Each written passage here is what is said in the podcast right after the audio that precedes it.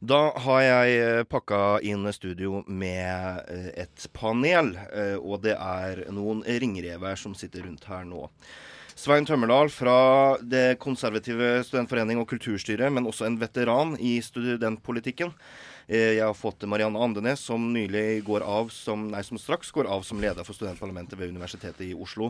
Og selvfølgelig Tord Øverland, som er, også er tidligere leder ved studentparlamentet ved HiOA. Velkommen, alle sammen. Takk. Jeg er fortsatt leder, da. Ja, du er fortsatt leder, du òg. Eh, du skal få den. Men vi skal, tenkte vi skulle starte med å preke litt om rekruttering og oppslutning. Eh, for én ting er jo at eh, oppslutninga rundt studentpolitikken har vært ganske lav over lengre tid. Det fikk et lite byks for noen år tilbake igjen, men det har jevna seg ut igjen. Svein, du er jo en, en, som har vært med i gamet ganske lenge. Hvordan vil du betrakte på en måte utviklinga av oppslutninga for valga til studentparlamentet? Jeg tror den er avhengig av enkeltsaker fra periode til periode. Eh, noen ganger dukker det opp eh, bestemte hensyn som eh, er av veldig stor betydning for studentmassen, og da ser man at det går opp. Men stort sett eh, så er det business as usual på relativt store, tungrodde institusjoner, som gjør at der kommer ikke de voldsomme ildsjelsakene frem. Eh, og da forblir nivået av engasjement man klarer å hva jeg si, stimulere til rent ellers, omtrent sånn som det alltid har vært. da, eh, Og beklagelig da selvfølgelig, veldig lavt. Eh, man er fornøyd med mesteparten av det som skjer til vanlig. Og det tror jeg gjør at det er ingen som står på barrikaden og skriker etter endringer. Marianne, du har jo nå fått eh, det siste året og disse utfordringene med oppslutning. Det har jo også vært valg i år. Um, hva er det som engasjere, skulle engasjere folk i år?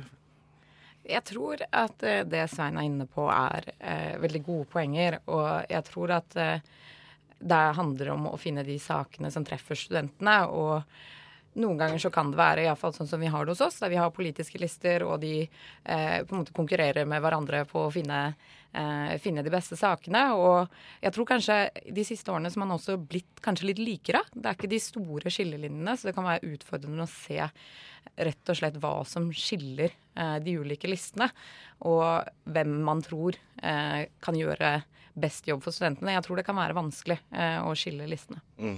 Jeg kommer jo til deg snart, Tor, for dere har et annet system. Men eh, på UiO så deler dere jo inn i lister og sånt. Nå vil dere si at det systemet egentlig er godt fungerende for å øke oppslutninga rundt eh, et studentvalg?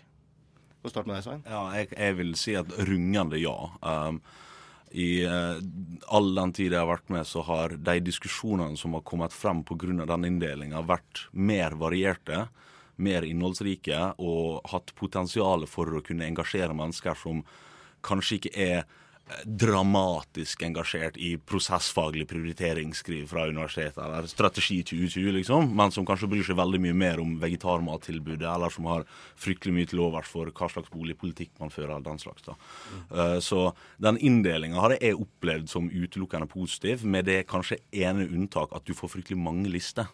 Slik at det, det, blir ikke så veldig mye head-to-head-debatter når man snakker studentvalg. Man, man, får ofte åtte stykker som alle sammen får tre minutter etter halvtid hver. da, Så kommer ingen inn på veldig mye. Men man, mange får sagt litt om veldig lite. Mm. Marianne han nevner jo her eh, mangelen på en sånn spitsenkandidat som står foran. Eh, hvordan tenker du om den inndelinga av partier og lister? For altså, man har jo disse fakultetlistene versus de ideologiske listene.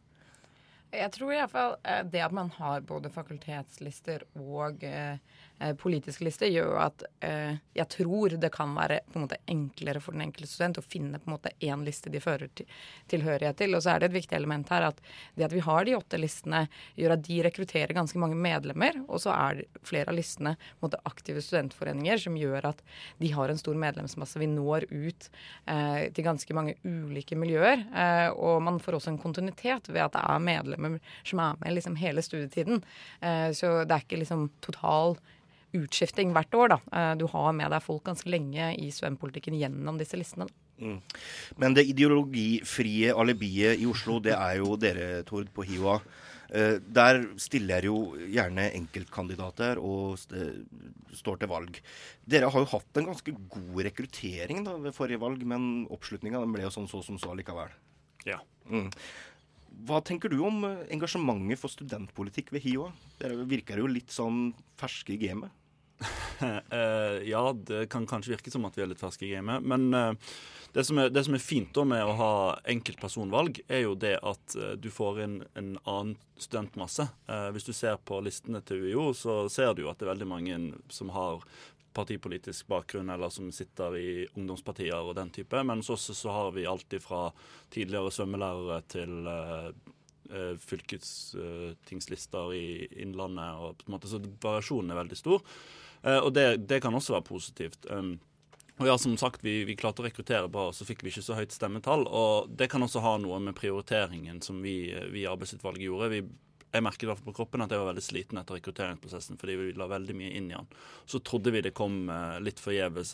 Nei, litt sånn bare med en gang vi får mange til å stille, så stemmer mange. Og det er jo ikke nødvendigvis uh, Sant? Så det, det, det handler litt om hva vi prioriterte på det tidspunktet. Mm. Dere la vel også valget i praksisperioden til veldig mange der? Det er alltid praksis på HiOA. Mm. Det er det som er så flott med HiOA. Det er det at eh, vi klarer å ha folk ute i praksis hele tiden. Vi. Så det er aldri et godt tidspunkt for når det skal være valg hvis du skal ha alle sammen på skolen. For det er ikke vi plass til det heller. heller. Mm. Men dere har jo halvparten så stor oppslutning som det man hadde på UiO. Eh, tenker du ikke at lister kan være veien å gå også for HiOA? Da, for å kanskje, jeg vet ikke, skape en mye tydeligere bilde av hva folk står for? Eh, halvparten hvor mange prosent av oss Det var 13 sist. 13 sist og vi hadde 11. Og 11 ja. Så det, det er ikke halvparten. Men fjor, uh, mm. Nei, fjor. Uh, uh, hva var spørsmålet litt? Fordi jeg hang meg opp i feil ting. Mm. Tror du på den effekten som Svein diskuterte i stad, om at lister kan heve oppslutninga? Jeg tenker at Hvis du skal endre valgsystemet på HiOA, så må det skje fordi at studentene, og ikke jeg som toppleder, eh, skal gå inn og mene at vi skal endre på det. Jeg tror kanskje engasjementet ville kommet dersom vi hadde begynt å diskutere litt andre ting på parlamentsmøtene. Men mm, f.eks. Eh, ikke bare diskutere styring og ledelse av universitet og høyskolesektoren. Fordi at, eh, og det har erfaring jeg har gjort meg opp. da, er at kanskje med å ha litt mer variert innhold på sakslisten, så vil flere folk engasjere seg. Men samtidig så er vi nødt til å diskutere det der med styring og ledelse, spesielt når vi skulle diskutere om vi skulle endre styringsmodell på HiVA. Så det er liksom alltid denne balansegangen mellom hvor topptunge skal sakene være, og, og hvordan skal vi ikke minst klare å formidle det på en sånn måte at studentene føler å, dette er noe jeg forstår. For det er en kunst. Mm. Svein? Nei, det, det, tenker jeg at jeg skjønner veldig godt uh, Tord, Tords hensyn her, og uh, hvordan de styrer HiOA for å være HiOA-sak, nær sagt. Uh, det jeg føler for, for, egen del, med henblikk til egen institusjon som er Universitetet i Oslo, uh, er at den, det mangfoldet man har der pga. både politisk liste og fakultetsliste, gjør at det vekker større engasjement. Uh, og så kan man selvfølgelig mene at man burde starte hos studentene og be dem komme fram med et uh, initiativ for å opprette type liste.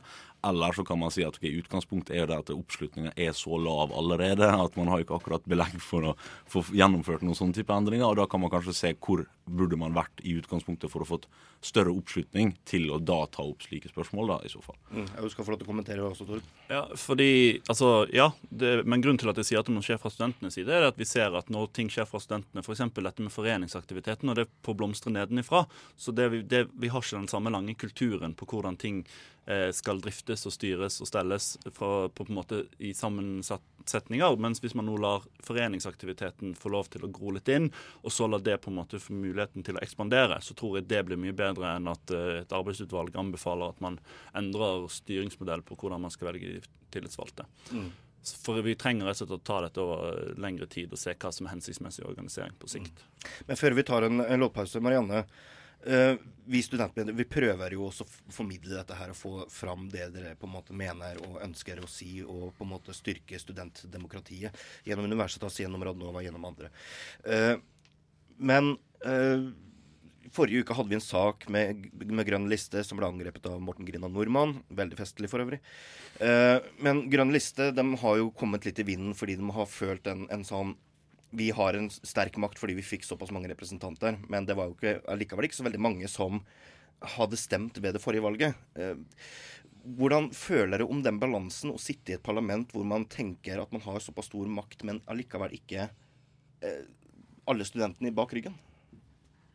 Jeg tror jo at eh, den på en måte interne måte, konflikter som man har, eller uenigheter og sånn, det tror jeg egentlig er ting som gjør at Eh, man jobber enda hardere eh, internt. Eh, man tar flere diskusjoner. Og jeg er veldig måte, jeg syns det er positivt når man har et måte, politisk eh, parlament som utfordrer hverandre, som ikke bare er konsensus. Eh, det, det, tror jeg er utelukkende positivt.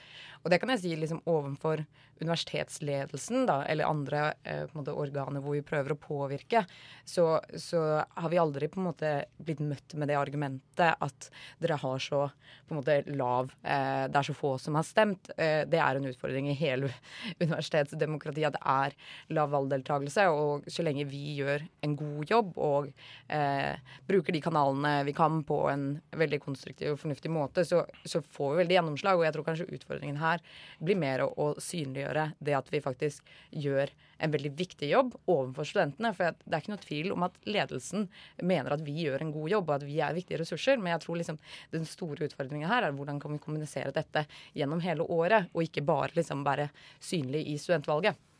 Ja, vi skal ta kanalisering, og vi skal ta også de rette organene neste, neste del. For da skal vi virkelig inn på altså, hvor komplisert studentpolitikk faktisk kan være. Men før det så skal vi høre Frott og Turn It Off.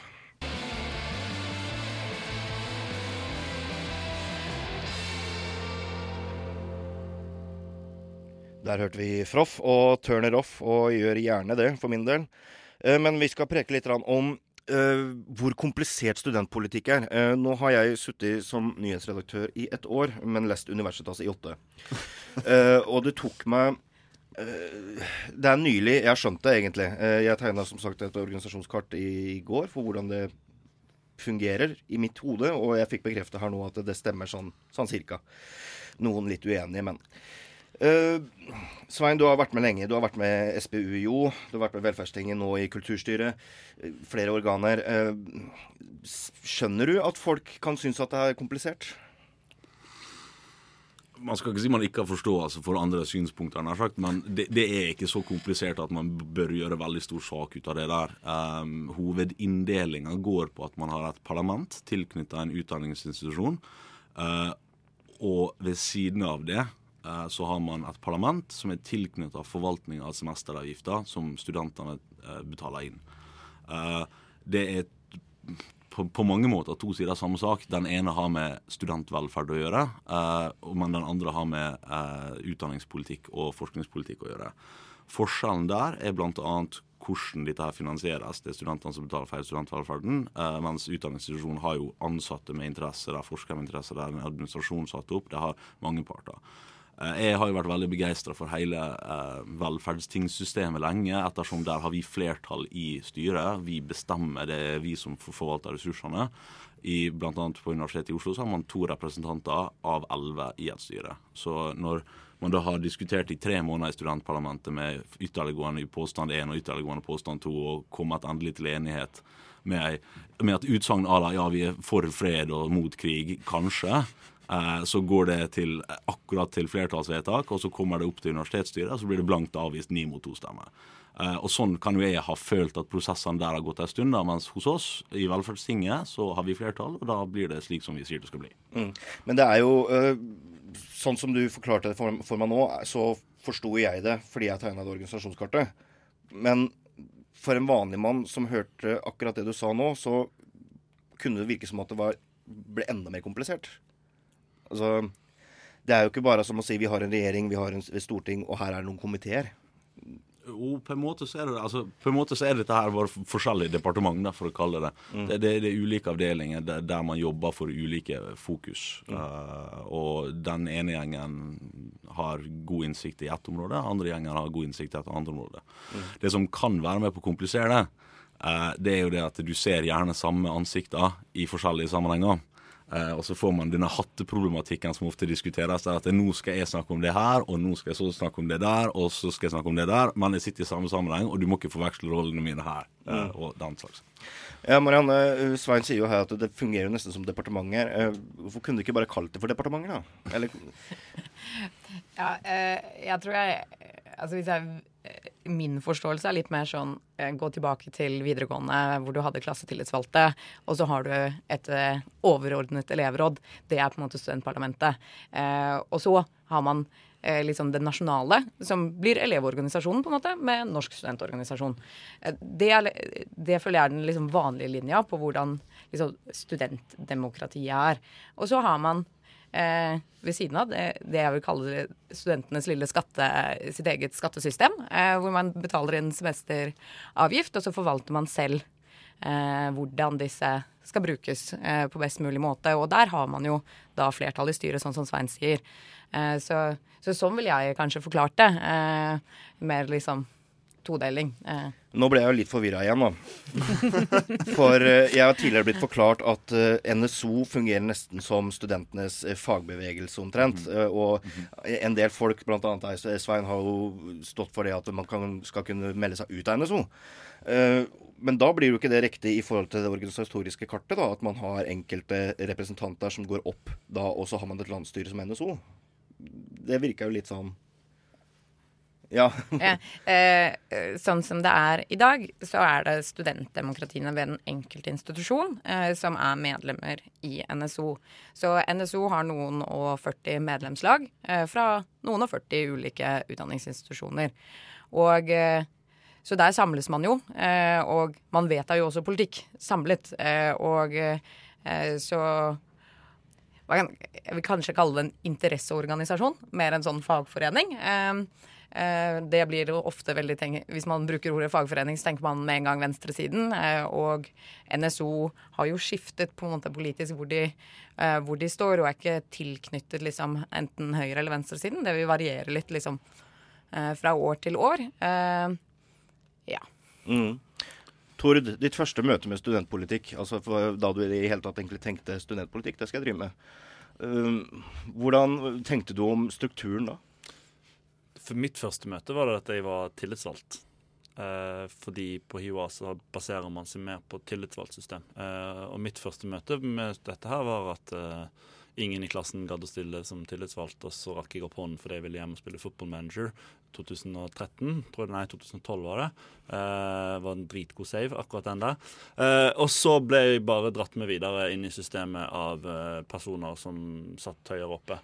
Uh, og så begynte jeg å forstå og slash ikke forstå ting. Og utfordringen tenker jeg er at man kommuniserer at det fins for mye ut til studentene. Altså, Man sier ja, så kan du gå og snakke med den om det. Så hvis du skal på fakultet, hvis du på institusjonsnivå, så går du og snakker med den. Og hvis du skal på fakultetsnivå, så snakker du med den. Klassen din, så går du klassetillitsvalgt, og på instituttlederen, så går du til institutt. Altså sånn. Og så hvis du skal på nasjonalt nivå, så går du og banker på døren til uh, eh, NSO. Og hvis du har et velferdsspørsmål angående boligen din i samskipnaden, så skal du videre til SIO. Så på en måte, uh, Eller velferdstinget. Så det er litt den denne greien der, da, er at uh, det viktigste er vel at vi lærer oss å kommunisere ett kontaktpunkt inn i de ulike stedene. Og så kan man heller bistå og hjelpe og sånn. fordi det, det jeg det var det som var det vanskeligste for meg, da, å forstå hvem skal jeg gå til når. Og da er det veldig viktig at du har på en måte enkeltpersoner med hovedansvaret uh, på et eller annet sted i en organisasjon. Um, som på en måte kan være litt koordinerende. For det var nok det jeg syntes var det vanskeligste når jeg startet. Mm. Ja, så en jeg det, Dette er en sak som har gått igjen flere ganger, men uh, tror jeg nok klandres litt denne problemet med kollektiv hukommelse i sånn type studentgreier. Folk blir jo ferdig som studenter, forsvinner og drar av gårde og alt det der. Det man har snakka om, det er um, hva er det som er bruker litt begrep, Hva er det som er sexy for en student? da? Uh, det vi syns går igjen, eh, mange deler oppfatninger om det, er at uh, veldig mange bryr seg veldig mye om velferdspolitikk. Og kanskje ikke fullt så mye om det rent tekniske i undervisningspolitikk og i forskningspolitikk. Det kan fort bli litt vanskelig. Eh, det kommer fra liksom overordna instanser som skal slenge frem seg med veldig avanserte ord og greier. Mens det folk tenker på, det er kanskje for det første OK, dette er mine penger jeg har putta inn i en kasse, og jeg trenger et sted å bo og jeg skulle hatt litt mat, og jeg skulle gjerne hatt barnehage for ungene mine jeg skal ha eksamen, eller jeg skulle gjerne hatt et eh, sted jeg kan gå og trene, eller lignende. Det at vi har ikke-koordinerte valgkamper veldig mange plasser, der man har et velferdsting som settes på ett tidspunkt, og et studentparlament som settes på et annet tidspunkt, gjør at man går veldig sjeldent til valg på de mest kanskje interessante sakene for folk, som igjen gjør at jeg tror engasjementet deretter ikke er så høyt som det kanskje kunne vært. da. Mm. Uh, han er jo inne på noe veldig viktig her, Tor. Han skulle ikke HiOA og UiO sammen kanskje koordinere når det skulle være valg, samtidig som alle andre institusjoner gjør det samme? da, Så man har én bestemt valgperiode for hele Oslo? Det kan være en løsning, men da må man rett og slett sette seg ned på å finne ut når det er fornuftig å ha det valget. Vi har valget på eh, vårsemesteret fordi da har vi muligheten til å rekruttere inn nye studenter. UiO har det på høstsemesteret fordi da har de hatt skolering av sine tillitsvalgte inn i listesystemene. Så da må man liksom se litt på de ulike greiene her. Men jeg må bare ta tak i det Svein sier, fordi studentene bryr seg om eh, veldig mye om ut, utdanningspolitikken sin, men utfordringen er jo å løfte de fra kantinebordet og på en måte sitte og sutre om foreleseren som ikke fungerer, eller klasserommet som er dritvarmt, og at de faktisk forstår at de kan gå til noen som tar saken videre. Og det er nok, Jeg tror nok det er mye viktigere for veldig mange enn de semesteravgiftene som de betaler, og som veldig mange tror de betaler for for å kunne studere. Ikke alle sammen som vet at pengene går til SIO engang. Eller til SIH og den type ting. Så, men de bryr seg selvfølgelig veldig mye om det eh, tilbudet de har, og det har blitt vanvittig mye bedre etter hvert. Og synligheten blant samskipnaden og alt på en måte har gått veldig, veldig positivt. Men Altså, Jeg tror ekstremt mange studenter bryr seg om det, men de møter veldig ofte den der hvor inn skal jeg gå inn i organisasjonen for å få noe som helst gjort. Mm. Marianne, du hadde en kommentar. Ja, eh, eh, først til det siste. Eh, jeg tror at det er kjempeutfordrende eh, for en student å få full oversikt. Eh, det kan jeg underskrive på selv. Og ikke bare liksom, på det som handler om studentpolitikk og sånne ting, men bare for, på de store, virkelig store utdanningsinstitusjonene som vi kommer fra. Det er veldig uoversiktlig hvor du skal gå når. Eh, og der har vi selvfølgelig, tenker jeg, der har jo vi en, vi en oppgave som studenttillitsvalgte å bedre de informasjonskanalene, og det er også noe vi har jobbet mye med. Men jeg tenker, jeg tror det er viktig når det kommer til dette med valgoppslutning og når man skal ha valg, så tror jeg også vi må se til de som eh, klarer, eller som har gjort veldig mye bra. og Du ser jo f.eks. sist nå Universitetet i Bergen, som har klart å øke valgdeltakelsen sin veldig.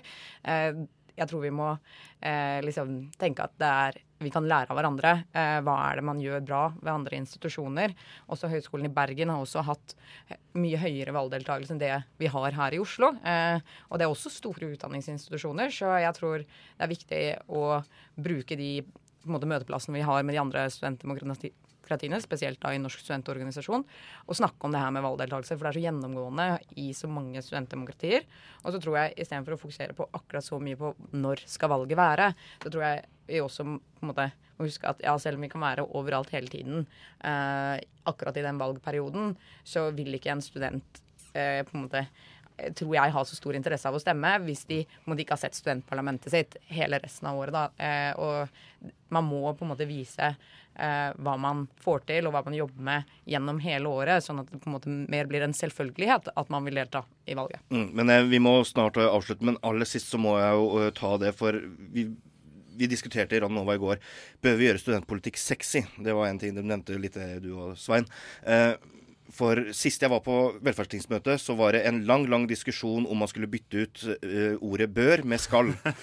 Uh, veldig lite sexy, egentlig, uh, når det kommer til politikk. Åssen Altså dere kan alle tre få lov til å svare eh, eh på én bør bli mer sexy, og én i tilfelle ja, hvordan? Svein? ok, Det var ikke en lang diskusjon, bare så det er sagt. Det var en veldig kort diskusjon. Vi skal endre alt fra bør til skal. Eh, det var diskusjonen. Hvis vi skulle tatt et eksempel på en sånn type diskusjon som gikk i lang tid, så har vi faktisk hatt en ganske langvarig diskusjon på å fjerne et komma helt faktisk å ta vekk ett komma. Det var til og med jeg som la fram den saken. Så det er en sånn. En annen ting um, det er at um, når vi snakker om skal gjøre mer, så er ikke det snakk om å liksom tilblive noe. Det er snakk om bare å ha fokus på saker og ting. Og så er jeg enig selvfølgelig at alt, alt vi holder på med, mener er viktig. Jeg sier bare at når det er 3000-5000-6000 mennesker som står i Oslo uten bolig til semesterstart hver høst, eh, når vi betaler 70 millioner kroner inn i semesteravgift, som folk ikke vet hvordan brukes engang. Når folk daglig eter i kantinene eller de drar på treningsstudio og de er omkring og nyter godt av alt det kulturelle tilbudet som vi fasiliterer for der, så er det for meg veldig intuitivt at dette her er det stedet der du ser engasjement, i hvert fall. Og da er det veldig rart å ha ei oppstrukturert valgordning som gjør at man i hvert fall ikke kan benytte seg av den delen som er ganske appellerende, mens man går til valg eh, på ting som kanskje er litt mindre tilgjengelig, i hvert fall. da. Så bør man gjøre det mer sexy? Det er ikke så mye mer å gjøre med det. Det som er tilfellet, er at man kan kjøre det sammen slik at det faktisk synes hva det er man totalt sett jobber med. Og hvis det hadde vært tilfellet, så er jeg helt sikker på at veldig mange mennesker hadde engasjert seg veldig mye mer enn hva man gjør i dag. Marianne, du skal også få lov til å svare på samme. Jeg føler ikke nødvendigvis spørsmålet er eh, om man skal gjøre det sexy, men i så fall hvordan. Eh, og eh, jeg tror kanskje egentlig det viktigste er at eh, studentene får en, en måte større eierskap til eh, sitt studentdemokrati og det som skjer på universitetet. Eh, og jeg tror noe av det som ble nevnt tidligere, det med å få innspill, altså finne gode Altså jeg tror hvis vi kunne sendt ut hvis man kunne fått innspill da, fra studentene, hatt en bedre sånn inn-kanal, sånn at eh, den enkelte student kunne eh, foreslått ting, eh, og at man hadde mer åpenhet. Da, for det, jeg tror liksom mye på en måte, Man blir veldig oppi det her med studentpolitikk, og man sitter veldig i en boble. Og jeg tror det er viktig at man er mer ute blant Uh, Iallfall for oss med åtte fakulteter, at vi er uh, mer rundt på fakultetene og har et tettere bånd til de lokale tillitsvalgte, som vil kjenne mer til problematikken. Og så vil jeg også si at uh, noe av det sexy vi kan gjøre, er det symbolske å gå inn og fylle galleriet på Stortinget når strukturmeldingen skal behandles 11.6. Det kommer vi til å gjøre. Så alle som syns at det hadde vært gøy å gå på Stortinget og se på hvordan det nye landskapet i høyere utdanning i Norge skal se ut, så kan bli med 11.6. Mm. Du skal få kommentere veldig kort, Svein, før jeg går til Tor. Ja, jeg tenkte bare å si at uh, hvis, vi skal, hvis, vi skal, få dette her til å bli mer spennende, og gjøre det på denne måten her, så tror jeg det aller, aller viktigste vi kan gjøre, det er å slutte å være så innmari innadretta og være mer utadretta. For faktisk så er det slik at alle listene på Universitetet i Oslo, blå liste som jeg representerer, og alle andre også, tar jo velvillig inn tilbakemelding eller innspill fra personer som stemmer på dem og kan ta det opp til vurdering. Så der er det for all del mulighet til å engasjere seg på den måten du skal gjøre. Mm. Tord? Sexy or not? ja, selvfølgelig skal man være sexy. Og jeg tror uh, Det var bare feil å si. Uh, men, men, jeg tror måten å gjøre det hakket mer forståelig for studentene, er å også tørre å vise at vi er studenter, vi som holder på. Og ikke bli for veslevoksen og ikke bli for klok på toppen og bruke alle de store fancy ordene. Og tørre, tørre å spille på humor og hytte med neven når det trengs.